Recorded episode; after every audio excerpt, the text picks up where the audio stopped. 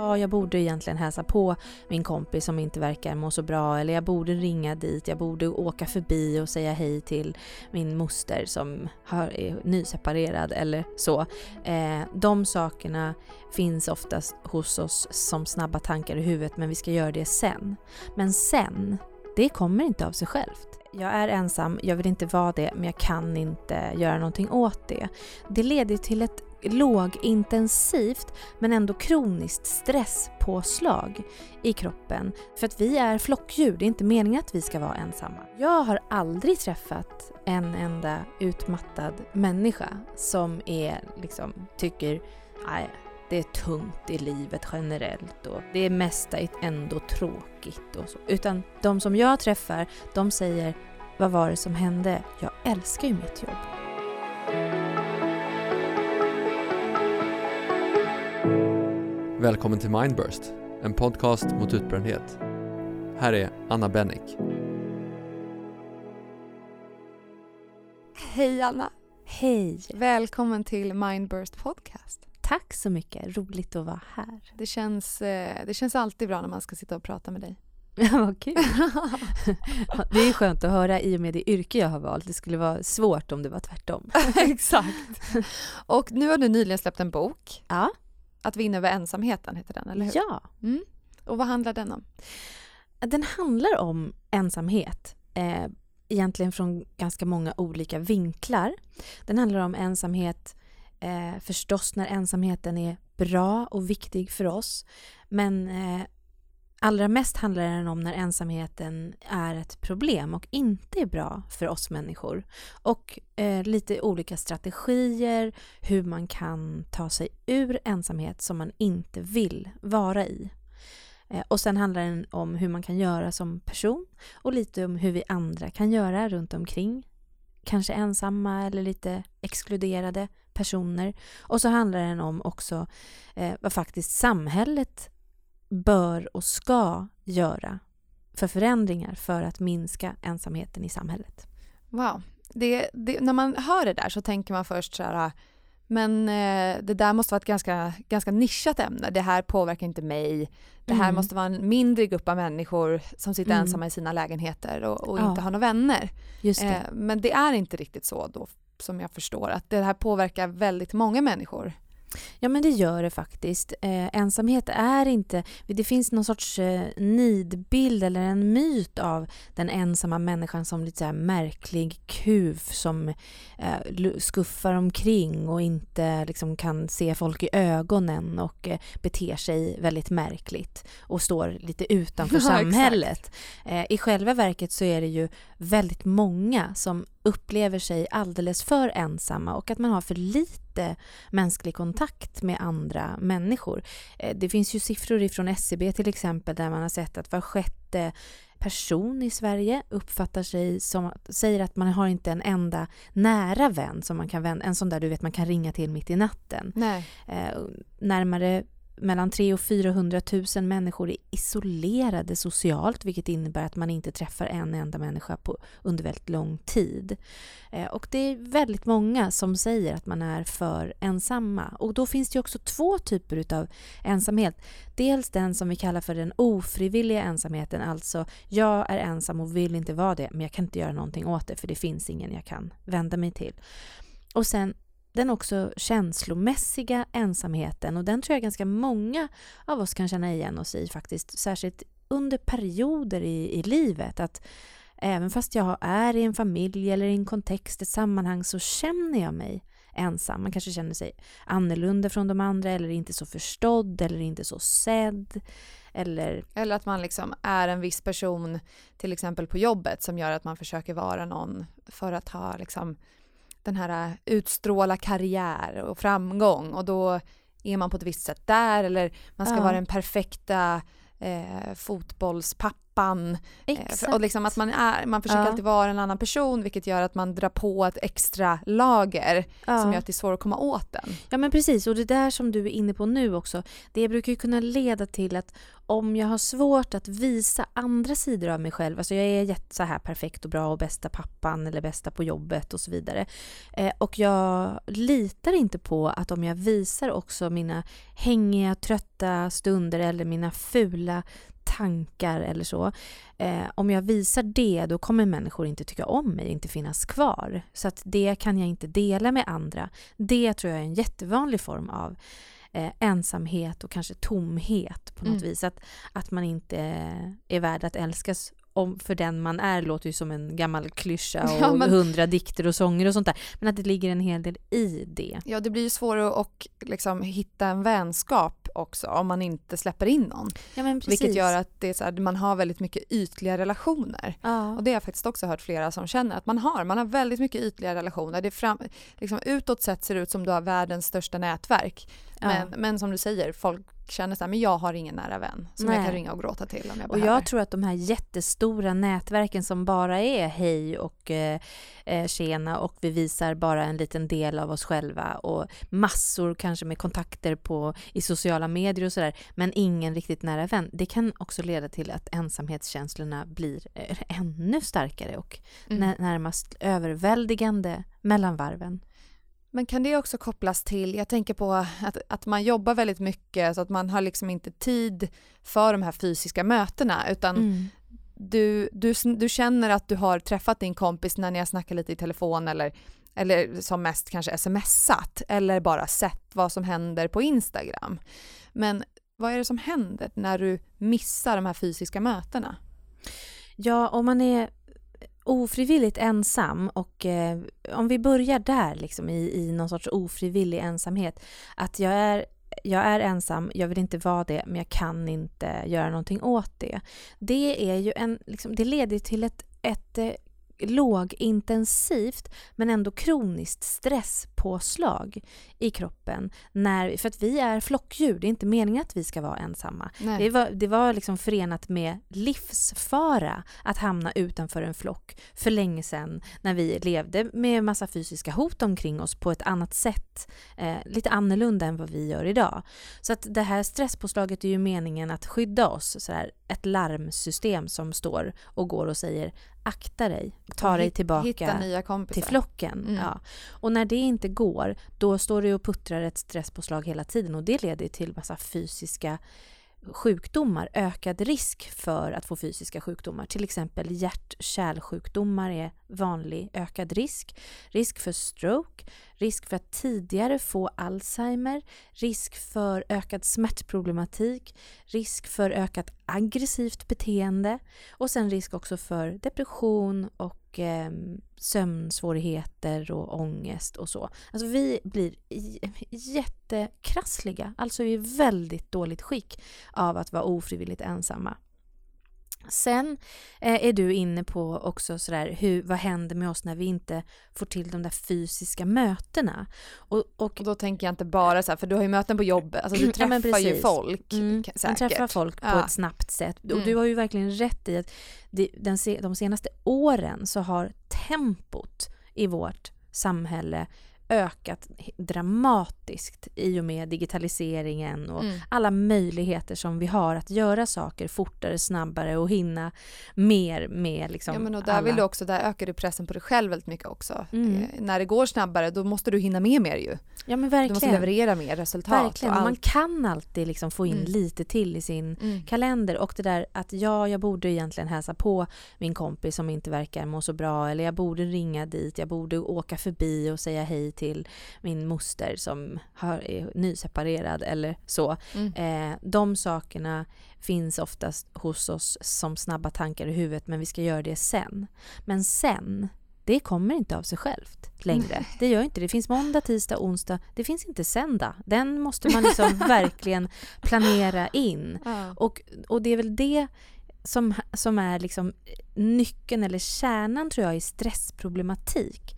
Det är ju att ansvaret idag vilar mycket, mycket mer på oss som individer att eh, logga ur, eh, tagga ner, lugna sig, tar, mm. hitta liksom återhämtningstillfällen än vad det var tidigare. För 20, 30 och 50 år sedan så var det inbyggt i vårt samhälle mycket, mycket mer. Det fanns inget mer att titta på på TV efter klockan 22.30. Det var stängt på helgerna, det var tråkigt på långfredagen. Det gick inte att liksom gör, storhandla till klockan 22 och hinna med det och så här. Idag kan vi hålla igång våra så här to-do lists eh, dygnet runt. Ja. Vi kan vara och det är ju roliga grejer också. Vem vill inte liksom vara med och prata om Game of Thrones på jobbet dagen efter? Och det är jädrigt stressigt som för mig till exempel att ligga sju säsonger back ja, på bara en det grejen. Förstår jag. inte, folk får inte avslöja någonting. Nej men precis. Men, men där kommer det ju precis till att kunna hitta långsiktiga pauser också. För det känns som att man måste hitta ett långsiktigt fungerande beteende. Mm. Eh, för jag tror att många kanske, man hör det här och så kanske man bokar in något snabbt med en kompis. Och sen så går det ett, ett halvår till eller, alltså, eller ett år eller några månader och sen så är man tillbaka i samma det är det, här, det är det jag tycker är det svåra, för det är ganska lätt att få en kick att så här, nu jäklar, nu ska jag mm. förändra mig. Mm. Eller nu ska jag bli bättre på det här. Och, och sen så börjar du och sen så tappar du det. Ja, och särskilt så här efter en sommar, man är lite mer återhämtad och så kommer det någon ny höst eller efter nyårslöftena också. Så här, nu jädrar ska jag bli bättre på ja. det här och sluta röka, börja träna och ringa mina vänner och så vidare. Mm. Och sen så hamnar vi i det här liksom spinnet igen när jag föreläser om stress så brukar jag kalla den här tiden som vi lever i för effektivitetsromantiken. Att det är liksom en, den era vi befinner oss i. Att det är som att vi har liksom, eh, i, i ryggmärgen fått någon injektion av att liksom bara hin, springa, springa och inte komma ihåg att återhämtning också är viktigt. Mm. Och du har så rätt i det där med att eh, liksom det är svårt med att hålla beteendeförändringar över tid. Men det som kan vara ganska liksom, bra att komma ihåg när det kommer till det är ju dels, man kan alltid börja om igen. Mm. Man måste inte vänta till nästa nyårslöfte. Det är inte ett misslyckande som Nej. man ska straffa sig för. Liksom. Nej, verkligen inte. Och tro utan, att man inte kan. Nej, men precis. Mm. Utan man kan börja om igen imorgon eller nu, liksom, ja. man kommer på. Och sen så tror jag det också är jätteviktigt för att vi lever så här som vi gör. Det är väldigt svårt att bara stoppa och ändra på. Eh, så, så tänker jag att det är de små stegen som gör det. Mm. Att några stycken mindre steg leder till större förändringar än vad vi tror. Ja, du vet, om man är stressad till exempel så tänker man så här, jag orkar inte med det här livet längre, ja, jag ska sälja mina barn på Blocket och flytta till Gotland och börja dreja. du skrattar för att du känner igen tankarna. Ja, jättemycket. ja, så här, och jag måste ha lugn och ro, jag håller på att bli galen snart och så. och så tänker man att sådär stora liksom, förändringar kan jag ju inte göra. Jag kan Nej. inte liksom, flytta långt bort och liksom börja, men, börja göra silversmide i jag någon skog. Jag pratar om att köpa vingård i Italien just nu. Det är min plan egentligen. Åh, oh, gud vad härligt. Jag tror det är jättemycket att göra. Men ja. då jobbar man också mycket med kroppen på ett annat ja, sätt. Exakt. Och sen är det också eh, skördetid och sen är det inte det. Och sen är det, så det kan vara liksom att du kan flytta med. Jag perioder. försöker hitta ett kollektiv som vill flytta med mig. Ja, men jag, jag, jag, kan, vi, kan vi hålla oss i Frankrike istället? Ja, ja, ja. absolut. Bra. Ja. Bra. Nu ska vi prata om det. Ja. eh, jo, men, eh, men det jag menar med det är att, att eh, vi tänker oss att vi ska göra stora förändringar, men vi kan göra små förändringar. Det kan handla om så här, några minuters eh, stillhet. Att stänga av eh, telefonen en halvtimme när man sitter i soffan.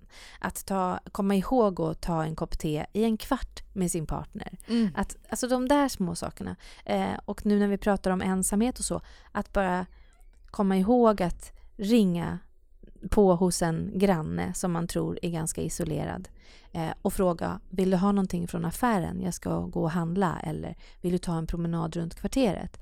Man kanske någon söndag ändå har en kvart till det. Man måste inte ha hela ansvaret för den individen för det. Utan man kan bestämma sig själv. Så här, jag, jag har en halvtimme den här söndagen mm. till den här grannen som jag vet eh, är enkling eller enka och inte har, inga, inte har några barn som hälsar på. Liksom. Verkligen, det tänkte jag inte ens på. Att det kan verkligen vara, det är klart att det är sådana personer du ska kontakta också. Du kommer med, man, det är väldigt sällan man ångrar något sånt där. Man, det är samma sak som man ångrar aldrig att du tränar eller du, du ångrar inte att du drack te med din partner. Alltså det är ju det är sådana saker som man, du kan ångra om du var ute och partajade och du tog en shot klockan tre på natten. Det kan man ångra. Ja. men, men du ångrar inte att du har fått det där umgänget. Nej, man gör inte det. Och det är ju samma sak när man frågar människor på dödsbädden liksom, Mm. vad, vad man skulle ha gjort annorlunda och vad man ångrar och vad som har varit bra med livet och sådär. Ja. Det finns ju flera sådana eh, studier med, med röster ifrån sådär, att blicka tillbaks på sitt liv på olika sätt. Och det är ju aldrig någon som säger så här, men jag önskar att jag hade jobbat mer. Nej. Jag önskar att jag hade nått lite längre dit. Utan det handlar alltid om, jag önskar att jag hade haft mer tid Ja. med de som jag älskar. Att jag hade lagt mer tid där. Vad beror det här på? Liksom den här eh, pressen och liksom stressen alla... För många känns det som, vissa är ju ren passion. Där har jag ju Mm. känt en förändring i mitt eget liv också när jag går från att hitta något som så här, wow, det här är det bästa jag vet. Mm. Eh, till att känna så här, det här gör jag för jag tror det här är rätt och det känns som att det är coolt just nu. Det går ju mycket lättare när man hittar en passion. Men man tror fortfarande, då är det lite så här, man tror att du, men då kan jag inte jobba för mycket. För det här är ju kul. Nej, precis. Så, och det där är ju så himla bra att du eh, lyfter. För när jag jobbar med personer som har problem med stress och är liksom stressade på olika sätt eller till och med utmattade, hamnat i utmattning. Jag, så jag har aldrig träffat en enda utmattad människa som är liksom tycker "Aj, det är tungt i livet generellt och Nej. det mesta är ändå tråkigt och så. Utan de Ja, som jag så. träffar, de säger vad var det som hände? Jag älskar ju mitt jobb. Eller vad var det som hände? Jag tycker det är så kul att vara med i bostadsrättsföreningen, så vi skulle bygga balkonger eller ungarnas hockey, liksom. jag har varit lagledare och det är så kul att åka runt på kupper och eh, dessutom jag cyklar och jag gör det här och jag gör det här och det är så himla roligt. Det är roligt och sen har det oftast blivit lite för mycket. Sen är det ju förstås inte eh, så enkelt att det bara är att jag har bokat på för mycket roliga grejer. Utan det är oftast andra saker också som handlar om kanske krav och framförallt brist på vad som är återhämtning i slutändan. Mm. Och det är klart att man har mycket, mycket roligare eh, på vägen in i väggen om man håller på med massa grejer man tycker är kul. Men, eh, men det räcker inte att man bara tycker det är kul och det är ju jätteviktigt att komma ihåg det. ja. Och att alla jag träffar också säger men det här skulle ju inte hända mig för jag är en person med hög kapacitet. Eh, det här händer väl liksom de som är lite eh, svagare typer. Och sen så har jag aldrig träffat någon enda soffpotatis i stresshanteringskurserna. Nej, Det är ganska såklart. bra att komma ihåg. Ja, verkligen. För det där tror jag många tänker på. Som, jag tror alla kanske som... Många har nog fått sniffa på att jobba för mycket och känna sig stressad. Och det kan ju Mm. såklart bero på olika, av olika anledningar. Det kanske är att du har, först har du ett jobb som är otroligt krävande men sen så kanske det är något som händer i familjen som blir otroligt Exakt. tufft. Och sen så händer ofta allt på en gång Mm. eh, som är, fyller upp den här bägaren lite åt gången och Ja. till slut rinner det över. Precis, och det är då man måste komma ihåg att, ä- att liksom korta återhämtningstillfällen, men flera stycken över ett dygn är det som är liksom motmedicinen. Mm. Att faktiskt, sen behöver man ibland göra förändringar, ibland behöver man ju byta jobb och skilja sig och flytta någonstans och, Ja. och, och liksom, ja, men verkligen göra en, en reboot på något vis. Men Ja. men ganska ofta så handlar det om att man, jag har den här familjen, jag har de här barnen, jag har de här problemen, jag har de här eh, lyckosamma sakerna, jag har det här jobbet. Hur ska jag se till att skruva ner lite vissa gånger, vissa stunder över dygnet? Det hjälper faktiskt oerhört mycket att få till återhämtning lite oftare sett över ett dygn. Och då behöver inte det vara 90 minuters yoga gånger två. Nej, det behöver inte vara så här, åka iväg på en lång helg och göra eh, meditation och gå promenader. Utan det kan vara just så här, gå en promenad efter kvällsdisken i 25 minuter med en granne man tycker om. Mm. Eller just den där koppen te i soffan som kan vara så här, jag orkar inte just nu, jag vill bara se en serie. Jag är så himla trött på min partner för att, eh, och barnen har skrikit och jag or- orkar inte med min familj och så vidare. Men att bara bestämma sig, tvinga sig att jag vet att det här kommer göra oss gott efteråt. Sen är det ju, känner jag ibland att jag, ja men bara vi sitter och pratar nu, att innan vi satte oss så har jag jobbat i princip från halv åtta. Mm. Full rulle. Och nu känner jag så här, men gud, just det här med andningen. Att Ja. man går inte riktigt på djupet. Att man Nej. andas här uppe lite mer så här. Ja, det är ju stressandningen. Det är så här, Ja, vänta, det verkar vara massa grejer som händer här. Jag måste Ja. få in syre fort och ut i blodet. Och blodet i de större muskelgrupperna i kroppen till och med när vi Mm. blir stressade. För det är, det är ju den här fight-flight-reaktionen som vi har. Eh, och du behöver ju inte ha blodet i lårmusklerna nu när vi sitter här. Men ändå så har du det. och då Lite det, mer. Men då kan det vara ett tecken på att man börjar liksom, man känner sig lite stressad eller mycket stressad. Mm. Är det när man känner att andningen är svår att Ja. få till? Ja. Vad gör man då? Om man känner här, ja, men jag har sådana tillfällen regelbundet, för det här tror jag är väldigt vanligt att man Mm. känner att man, det är väldigt sällan man stannar upp och bara som du säger tar små pauser. Mm. Eh, när det kommer till just andningen då säger vi, om man, om man är där, vilken fas är man i? Är man liksom, det är olika mellan olika människor, är man nära väggen eller är det, hur ska man liksom Eh, det, hitta det, de här små varningsflaggen? Ja men precis. Det är jättesvårt att säga. Eh, men om man märker att jag väldigt ofta hamnar i så hög andning och jag får inte ner luft och också kanske märker några andra signaler som eh, förändrad sömn, svårt att somna på kvällen eller vaknar tidigt på morgnarna liksom, kan inte somna om 04.14. Oerhört provocerande tid att vakna när man är så trött så att man känner att man går på knäna. Eh, om man har en hel del huvudvärk eller ont i nacke, axlar, liksom att man sitter och spänner sig på ett sätt som man inte känner till. Eh, om man eh, känner sig eh, låg också. Om man så här, det här som jag tidigare tyckte var så roligt att göra, det känns ganska, jag känner mig rätt likgiltig inför inför de här sakerna. Mm. Och så det som du säger med andningen och eh, lite magkatarrer och bara allmänt trassel rent fysiskt men också mentalt liksom att sömnen är som den är och eh, jag känner mig rätt så uppgiven. Och, det, och det, det där är ju också saker som tillhör livet. Vi är ju uppgivna och hängiga och trötta ibland och det känns inte så jävla kul att leva det här livet alltid. Och det är ju normalt. Men om det har pågått under en lång tid, om jag också har uppmärksammat det men inte liksom haft, kunnat göra någonting åt det, eh, då ska man absolut ta de tecknen och signaler på allvar. Mm. För att man, vi blir sjuka av för mycket uppvärmning, för lite återhämtning. Den ekvationen den går inte ihop för någon, inte ens för Stålmannen. Nej, Så. nej han, han behöver säkert också, som, som man har märkt, har blivit väldigt... Alltså många äter antidepressiva, för det är det Mm. man hinner med. Ja, det är det man hinner. Man Precis. hinner inte ta tag i livet på ett djupare plan och söka hjälp och sitta i, session, liksom, sitta i samtal en gång i veckan. Och sen känns det också väldigt dyrt för många. Mm. Det, kan jag lägga mina pengar på det? Jag vill ju hellre åka på den där semestern liksom, Mm. och då kanske jag mår bättre. Ja. Ehm, så att det är mycket, där tror jag en, jag pratade med ett gäng unga tjejer och då blev de nästan förvånade av att jag aldrig ätit antidepressiva. Alltså det var på den ja, Det nivån. är så vanligt. Och, och just när man, det, pra, det säger, pratar ju alla om och skriver om och det är tv-program och dokumentärer om just psykisk ohälsa och hur det bara växer lavinartat egentligen. Just det. Eh, och eh, det är ju jätteobehagligt och där tror jag att det är många som eh, som, som Bamses farmor, eller vad är det? Nej, det är lilla, lilla katten Jansson som sopar allt under mattan när de städar. Det är lite samma sak, man ser de här tecknen att okej, jag har nu, vi säger så här, jag andas dåligt, jag sover dåligt, jag har ont i nacken och kroppen. Mm. Ja, alltså det är mycket tecken som tyder på att så här, okej, jag är stressad och du vet, jag tror många vet det.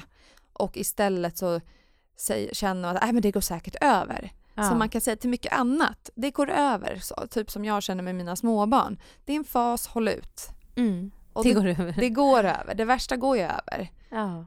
Men när det kommer till en själv, då kanske det inte gör det om du inte tar tag i det. Nej, det brukar ju inte lösa sig av sig själv. Särskilt inte om det har gått lång tid. Eh, och därför blir det så himla viktigt. Och, och det, det tror jag är så viktigt att, att tänka på. Att, att investera lite tid i eh, stresshantering eller att försöka få till små förändringar. Det är, är ju lite ökad tid inledningsvis men det kommer ju ofta leda till att man får loss mera tid efteråt. Eh, Så att det blir som en, en kort investering, eh, tänker jag mig. eller kort och kort, låter det återigen som det här effektivitetssamhället. Ja, nu kör vi tre snabba tips här och sen...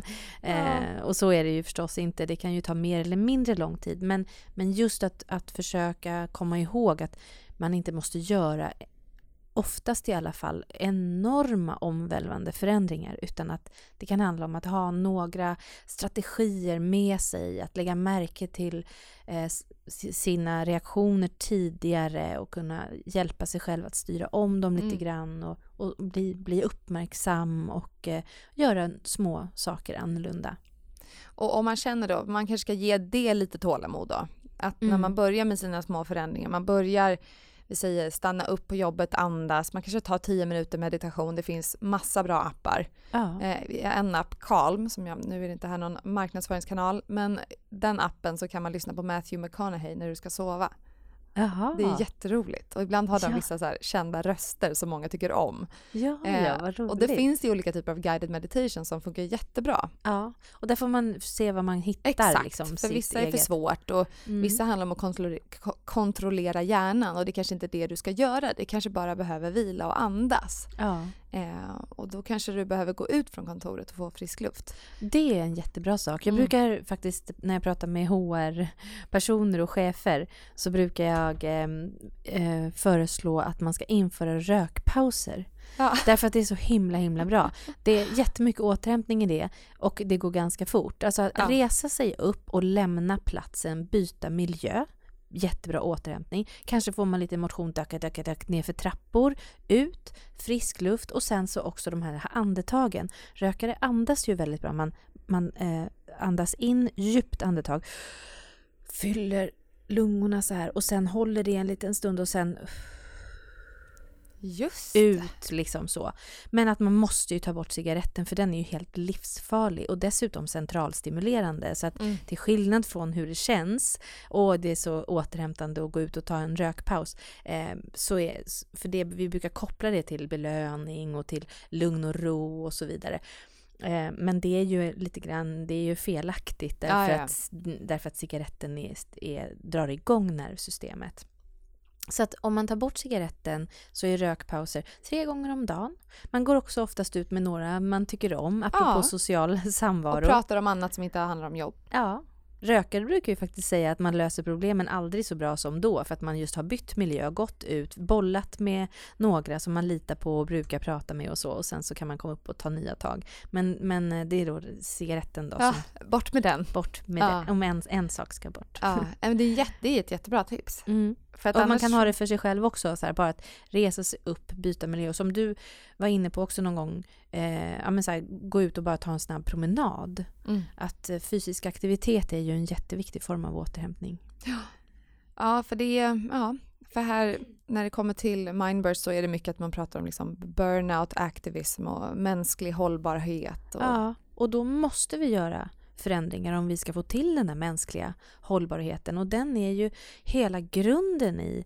eh, jag menar, i våra liv egentligen. Det är, vad är det för mening med att hålla på och rusa runt och greja om man, ändå, om man sen blir sjuk av det och dör i förtid och så vidare? Nej, precis. För det där är när man ibland sitter och filosoferar så är det verkligen så här, okej, okay, men jag har ett liv här. Vad är, det, vad är det som är viktigast för mig? Mm. Och jag tror de flesta människorna vill ju ändå känna en, en mänsk, att det finns en hållbarhet i hur du lever, du känner dig lycklig men inte alltid för det är klart man inte kan vara lycklig hela tiden men grunden ska vara att du gör rätt saker av rätt anledning egentligen. Just det. Och där har jag tyckt att sätta olika typer av mål. Lite så här, de är kortsiktiga, du sätter ett långsiktigt mål och sen så, att man pratar om varför du gör vissa saker och vad som ska vara din drivkraft mm, egentligen. Mm, precis. Det kanske är att hjälpa människor, det kanske är att, ja, men vad det kan vara och då, då kan du alltid stämma av med det. Okej, okay, jag gör det här nu, stämmer det överens med min driv eller mitt mål om att jag ska hjälpa människor? Ja, det. det. gör det, för jag håller en föreläsning om psykologi och ensamhet. Så att har man, då blir det mycket lättare att, mm. och då måste man kanske lägga lite tid på det också. Ja, um, absolut. Och vi tycker ju om också att göra saker och mm. att uppnå mål och eh, lära oss nya saker och så. Det är ju också det som är spännande i livet. Men det, får in, det måste vara kopplat i högre grad till lust än till krav.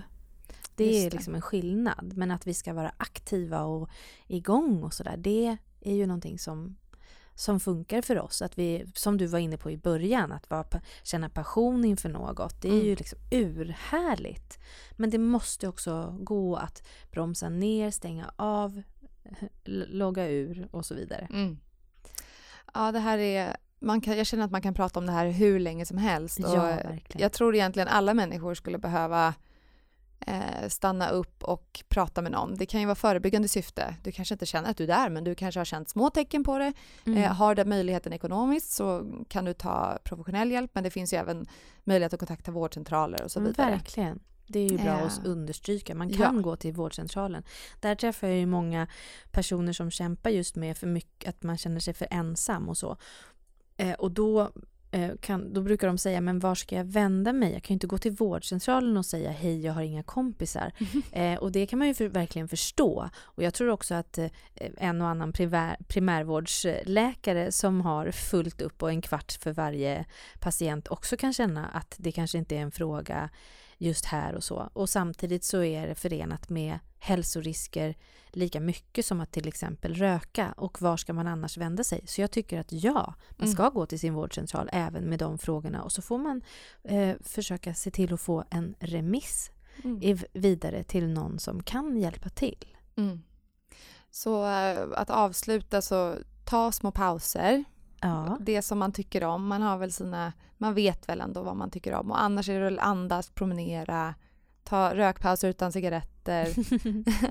och eh, tycker också när det kommer till stress, där är det ju, det är så viktigt att man inte bara sopar under mattan utan man, man det, det är bättre att ta det på allvar liksom, mm, verkligen. än att ha så här, oj det var kanske inte så farligt. Nej men verkligen, jag tror det. Det är mycket bättre att göra någonting Mm. åt det lite mer förebyggande än efteråt för det tar längre tid och är mycket mer smärtsamt också att vara i.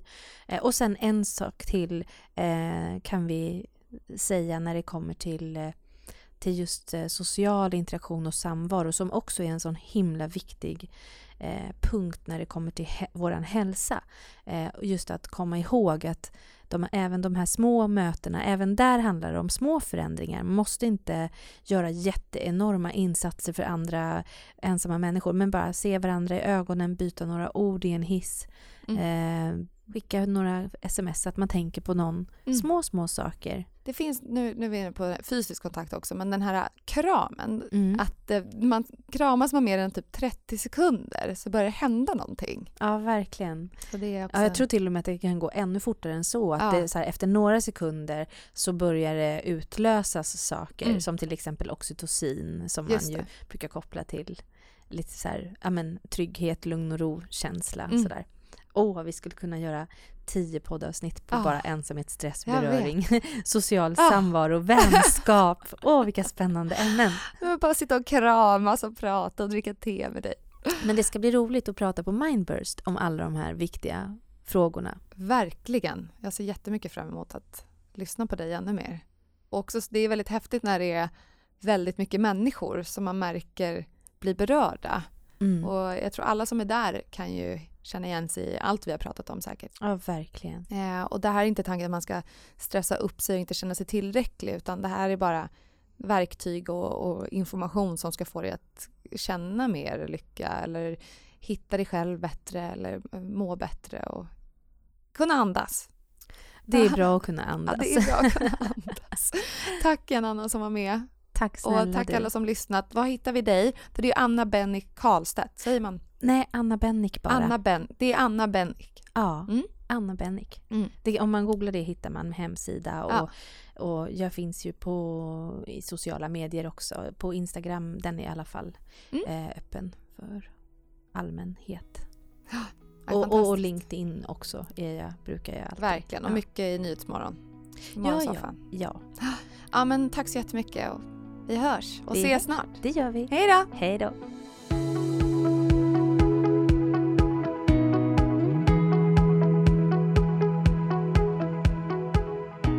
Tack för att ni lyssnat. Biljetter och mer information om eventet finns på mindburst.se.